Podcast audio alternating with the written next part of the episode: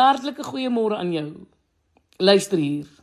'n Mens met aansteeklike kalmte is die een wat ander herinner God is in beheer. Nou hoeveel mense is alweens onbeteelde spanning verwond? En hoeveel rampe is al vermy omdat een mens geweier het om onder die spanning te knak? Dit is hierdie selfbeheersing waartoe Paulus ons in die eerste van 3 sinne oproep. Hoor wat sê hy? Laat almal sien hoe bedagsaam jy lewe. Onthou, die Here kom binnekort. Moet oor niks bekommerd wees nie. Filippense 4 vers 5 en 6. Nou die Griekse woord wat hier met bedagsaam vertaal is, beskryf 'n temperament wat gelouter en volwasse is. Dit herinner aan 'n gesindheid wat by die geleentheid pas, wat gebalanseerd en beheerst is. 'n Sagmoedige reaksie getuig altyd van standvastigheid, regverdigheid en geen vooroordeel nie.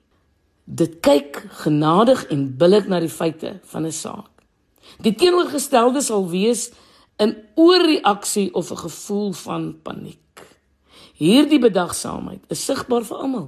Kyk, familielede sien dit raak, jou vriende sien die verskil, jou kollegas word daardeur bevoordeel. Ander kan beheer verloor of kop verloor, maar die bedagsame mens dink nigter en helder. Jong, dis 'n aansteeklike kalmte. 'n Mens met aansteeklike kalmte is die een wat ander herinner God is in beheer.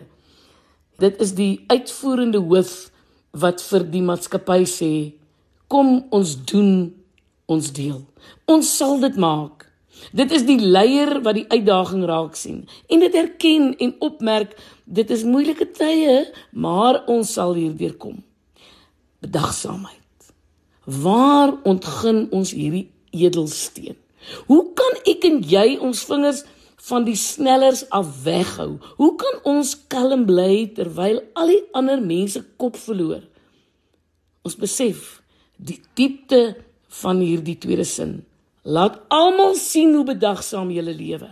Onthou, die Here kom binnekort. Moet oor niks bekommerd wees nie. Die Here is naby. Jy is nie alleen nie. Jy voel dalk alleen. Jy dink dalk jy is alleen, maar daar is nooit een oomblik waarin jy die lewe sonder hulp hoef aan te pak nie. Hoekom? Want die Here is naby. God beloof sy teenwoordigheid herhaaldelik aan sy mense. Hoor bietjie. Vir Abraham het God gesê: Moenie bang wees nie, Abraham, want ek sal jou beskerm en jou beloning sal groot wees. Genesis 15 vers 1. Hoor wat sê hy vir Hagar? Die engel het aangekondig: Moenie bang wees nie. God het die seun gehoor. Genesis 21 vers 17. Toe Isak deur die Filistyne uit sy land verdryf is en hulle hom gedwing het om van plek tot plek te trek, het God aan hom verskyn en hom herinner: Moenie bang wees nie, want ek is by jou. Genesis 26 vers 24. Na Moses se dood het God vir Josua gesê: "Josua, moenie bang of huiwerig wees nie.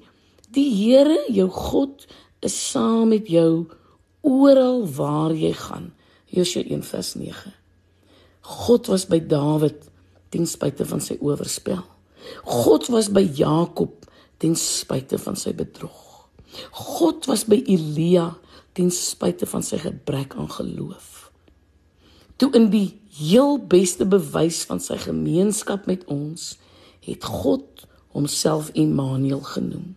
Wat beteken God by ons? God het mens geword. God het sonde geword. God het die graf oorwin.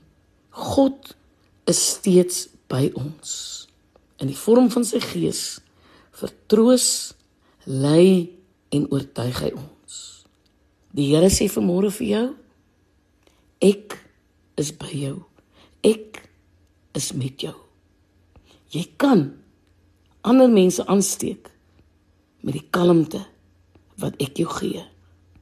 Jy kan in beheer wees want ek is jou God. Ek is Lenet Beer vir Radio Kansel.